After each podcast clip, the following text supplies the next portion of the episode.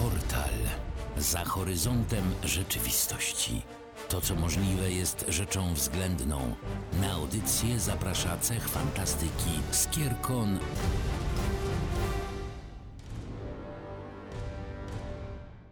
Aurelian, jaki jest twój ulubiony dinozaur? E, Wiesz co, mój ulubiony dinozaur to jest pterodaktyl.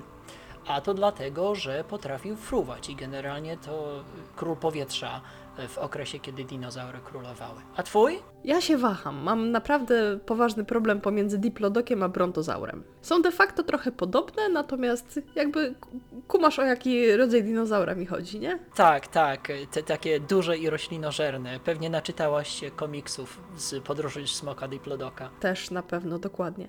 W każdym razie w kolejnym odcinku portalu witają Was Winga I Aurelian. i dzisiaj porozmawiamy oczywiście o dinozaurach, bo pytanie o tym, jaki jest Twój ulubiony dinozaur, zdecydowanie jest zadawane w dzisiejszych czasach zbyt rzadko. I cóż, w którymś momencie przychodzi moment, kiedy ktoś się Ciebie zapyta o to po raz ostatni i nawet nie wiesz, że to jest ostatni raz, kiedy ktoś inny interesuje się Twoim ulubionym dinozaurem. Tak, i z tego względu inwestujmy w siostrzeńców i siostrzenice, którzy na pewno na- nas o to zapytają, wcześniej czy później, nie ma siły. A jak chodzi o dinozaury, to przecież y, naukowo muszę tutaj powiedzieć dwa słowa. Pojawiły się na Ziemi dużo lat temu, bowiem ponad 200 milionów lat temu i pojawiły się na Ziemi generalnie w tym samym czasie, kiedy zaczęły ewoluować ssaki. I zamieszkiwały Ziemię i ewoluowały przez ponad 100 milionów lat obie formy, obie grupy zwierząt, aż oczywiście nastąpił ten taki wielki kataklizm, który spowodował, że gady przestały rządzić Ziemią, ale w tym samym czasie ssaki, które były obecne, to tak naprawdę były najprostsze, najbardziej prymitywne ssaki, czyli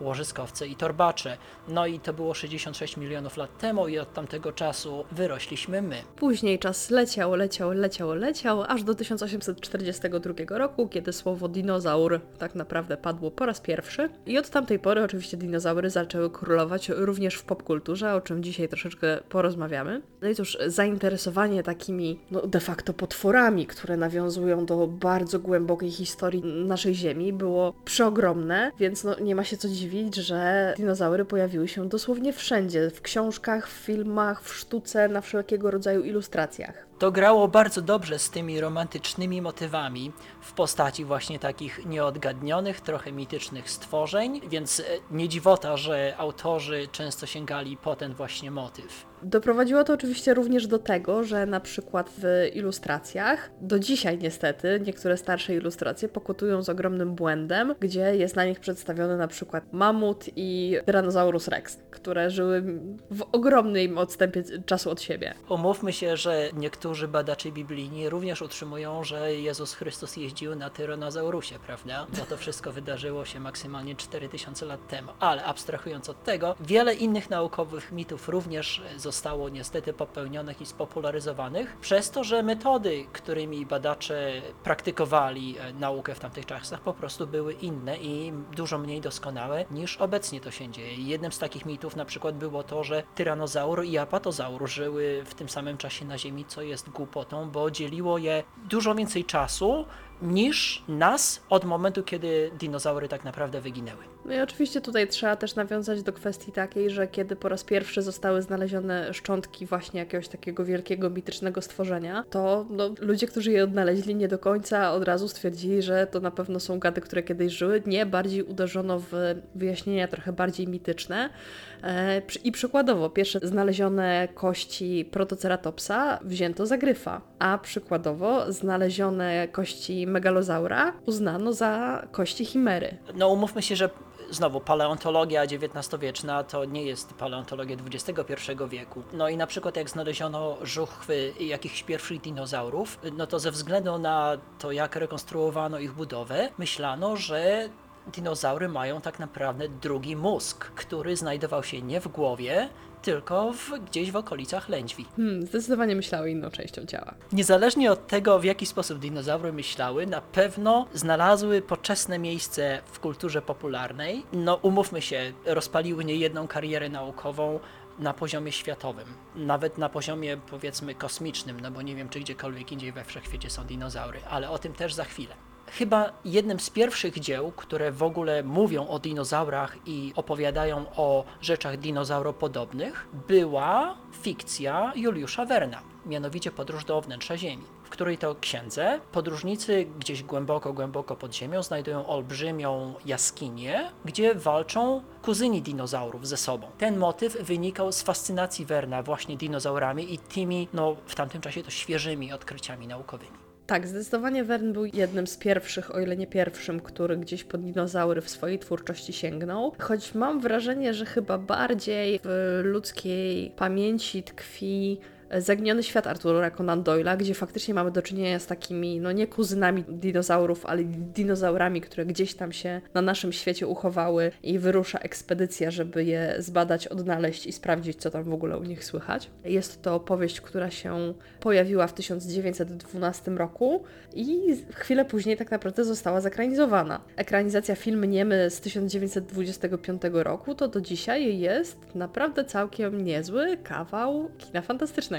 Moda na dinozaury w kinie zaczęła się ledwie kilka lat wcześniej, bowiem w okolicach wybuchu I wojny światowej pojawiły się we filmach zarówno animowanych, jak i we filmach takich, umówmy się, live action. Oczywiście od tamtego czasu to, ta moda tylko przyrastała metodą kuli śniegowej i coraz więcej dzieł. Pojawiało się właśnie z takimi motywami i tutaj koniecznie, koniecznie muszę powiedzieć o pierwszym historycznym King Kongu z 1933 roku, gdzie widzimy King Konga, który walczy z tyranozaurem i go powala. Później na pewien czas z oczywistych względów dinozaury trochę zniknęły z pejzażu filmowego, ale wróciły na niego dosyć szybko zaraz po zakończeniu II wojny światowej, no i w trakcie tak naprawdę zimnej wojny, kiedy pojawia się wątek tego, że w przypadku wybuchu wojny jądrowej może to doprowadzić do tego, że wskrzeszą się dawno wymarłe gady. No i to jest właśnie de, de facto scenariusz filmów o Godzilli. Godzilla jest bohaterem, bohaterką, nie jestem pewien rodzaju, większej ilości filmów niż James Bond. Także to chyba o czymś świadczy, na ile dinozaury są popularne w popkulturze. Tak, no później oczywiście wraz z postępem techniki o dinozaurach dowiadywaliśmy się coraz więcej i coraz częściej zaczęły się pojawiać, gdzieś tam przenikać przez popkulturę. Po dinozaury i motyw związany z nimi sięgały naprawdę wielkie nazwiska pisarskie. I tutaj chciałbym wymienić oczywiście Raya Bradburego, Izaaka Asimowa i Artura C. Clarka, którzy pisali zarówno małe nowelki, jak i całe powieści właśnie z dinozaurami. W latach 70. nastąpił później wybuch trochę bardziej naukowego i dokumentalnego podejścia do tematu. Tutaj faktycznie pokłony w tym względzie należą się zarówno National Geographic, jak i Discovery Channel.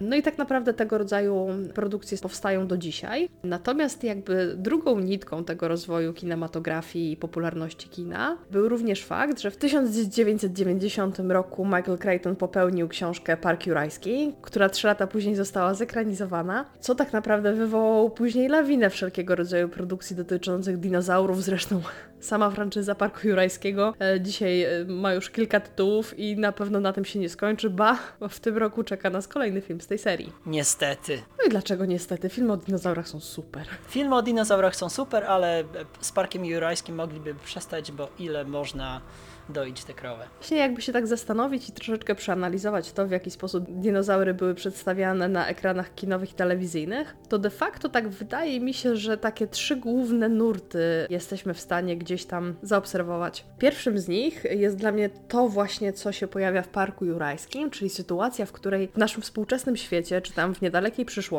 e, gdzieś ludzkość napotyka na dinozaury. Czy to tak jak w Parku Jurajskim jest to wynik interwencji w genetykę i wow, udało nam się je odtworzyć tworzyć ekstra, jesteśmy super, czy też e, są to jakieś inne historie. Jakby to jest taki główny nurt, który w tych filmach o dinozaurach, przynajmniej tych live action się moim zdaniem przejawia. Przykładem też takiego filmu, e, a w zasadzie serialu, jest serial, na który ja trafiłam parę lat temu kompletnym przypadkiem. Serial Terra Nova, który opowiada historię no niedalekiej przyszłości ludzkości, kiedy na Ziemi zaczęło się robić zdecydowanie za ciasno e, i podjęta została decyzja o podróży w czasie, żeby właśnie wysłać osadników do przeszłości, żeby tam założyli nową osadę dla ludzkości. I właśnie cofają się do czasów, kiedy to dinozaury rządziły na Ziemi. I tego rodzaju właśnie przykładów no jest mnóstwo. To są seriale typu Dinotopia, to jest serial animowany Denver Ostatni Dinozaur, to jest też produkcja disneyowska Baby Secret of the Lost Legend, gdzie nagle w dżungli są odnalezione ostatni dwaj przedstawiciele brontozaurów. I tego rodzaju przykładów tak naprawdę można by mnożyć. Wydaje mi się, że to faktycznie jest motyw, który się gdzieś tam względem dinozaurów przejawia najczęściej. Ten motyw powrotu do przeszłości jest oczywiście motywem bardzo atrakcyjnym, ze względu na to, że można go wykorzystywać no, bardzo widowiskowo. Nie tylko kino stosuje właśnie myki w postaci podróży do przeszłości, ale również ten motyw pojawia się w książkach. I otóż podróż w czasie jest oczywiście jedną, jedną z postaci podróży. Inną postacią takiej podróży jest podróż oczywiście w przestrzeni. I na przykład u Anny McCaffrey istnieją całe planety, na których ludzkość ląduje, próbując je zasiedlać. Oczywiście z dinozaurami, no bo dlaczego nie? Zupełnie inaczej sprawa przedstawia się, jeżeli chodzi o animację, bo tutaj zdecydowanie częściej wykorzystywanym motywem jest to, żeby przedstawić po prostu czasy, kiedy dinozaury królowały na naszej planecie i jakie przygody wówczas przeżywały. I no tutaj no, z oczywistych względów mamy do czynienia głównie z animacjami. Jedną z najpopularniejszych jest oczywiście Epoka Lodowcowa i wszystkie jej sequele, ale absolutnie było tych filmów oczywiście dużo więcej. To są filmy takie jak Dinozaur, Dobry Dinozaur, czy chociażby Pradawny Ląd, jedna z, ze starszych animacji Disneya. Albo Flintstonowie. Och, tak, oczywiście. No to tak, to tutaj już mamy troszeczkę inne podejście, bo tutaj już mamy dinozaury żyjące jednocześnie z ludźmi. To jest ten moment, kiedy wiesz, y, rzucamy kamieniami, nie? Tak, to jest ten moment, kiedy nauka po prostu siada i, i, i zakrywa się uszami. Tak, no nie, mi się zawsze najbardziej podobało we Flintstonach to, że świętowali Boże Narodzenie. No i prawidłowo. Wszystko się wtedy zgadza. Panu Bogu świeczka, a dinozaurowi kość. Idealnie, myślę, że Dino by się ucieszył. I takim trzecim motywem, który najczęściej mam wrażenie się pojawia, jeżeli chodzi o dinozaury w kinie, to jest e, moment, kiedy dinozaury są wykorzystywane w charakterze elementu horroru. I to zarówno w bardziej kasowych, większych produkcjach, jak chociażby takie fi filmy jak King Kong, o którym wspomniałeś, ale też w kinie takim klasy Z, śmiem twierdzić, bo tu ciężko mówić o klasie B. No i tutaj moim ulubieńcem jest film y, Velocipastor. To jest film, który w ogóle plot ma idealny, bo przedstawia historię pastora, który po śmierci rodziców przeprowadza się do Chin i tam nagle zdobywa magiczną zdolność, że potrafi przemienić się w dinozaura i wtedy walczy ze złem i z ninjami. No to jest e, silny kandydat i ja wiesz, nie mam w ogóle żadnych innych propozycji, żeby, żeby spróbować ci przeciwstawić. Chociaż, chociaż Zaginiony Świat z 25 roku, o którym ty wspomniałaś, sposób e, realizacji i ekranizowania dinozaurów tamże, no to było coś pięknego, nad czym teraz, prawda, oczy krwawią, jak się to ogląda. To też jeszcze zależy od tego, w jaki sposób się to przeżywa. Muszę przyznać, że dosyć ciekawe doświadczenie z tym filmem spotkało mnie około 3 lata temu, kiedy w ramach kina planerowego u nas w mieście można było właśnie ten film obejrzeć, co ciekawe, z muzyką graną na żywo. I to było całkiem przyjemne doświadczenie. Specyficzne, bo to była nie do końca muzyka, której można byłoby się przy tym filmie spodziewać, natomiast na pewno ciekawe. Oczywiście nie tylko książki, nie tylko kino czy telewizja są mediami, w których dinozaury się pojawiają, bo jak przygotowywałem się do audycji, to znalazłem bardzo dużo różnych innych elementów, umówmy się, kultury, gdzie dinozaury można napotkać. I owszem, istnieje nawet coś takiego jak erotyka z dinozaurami.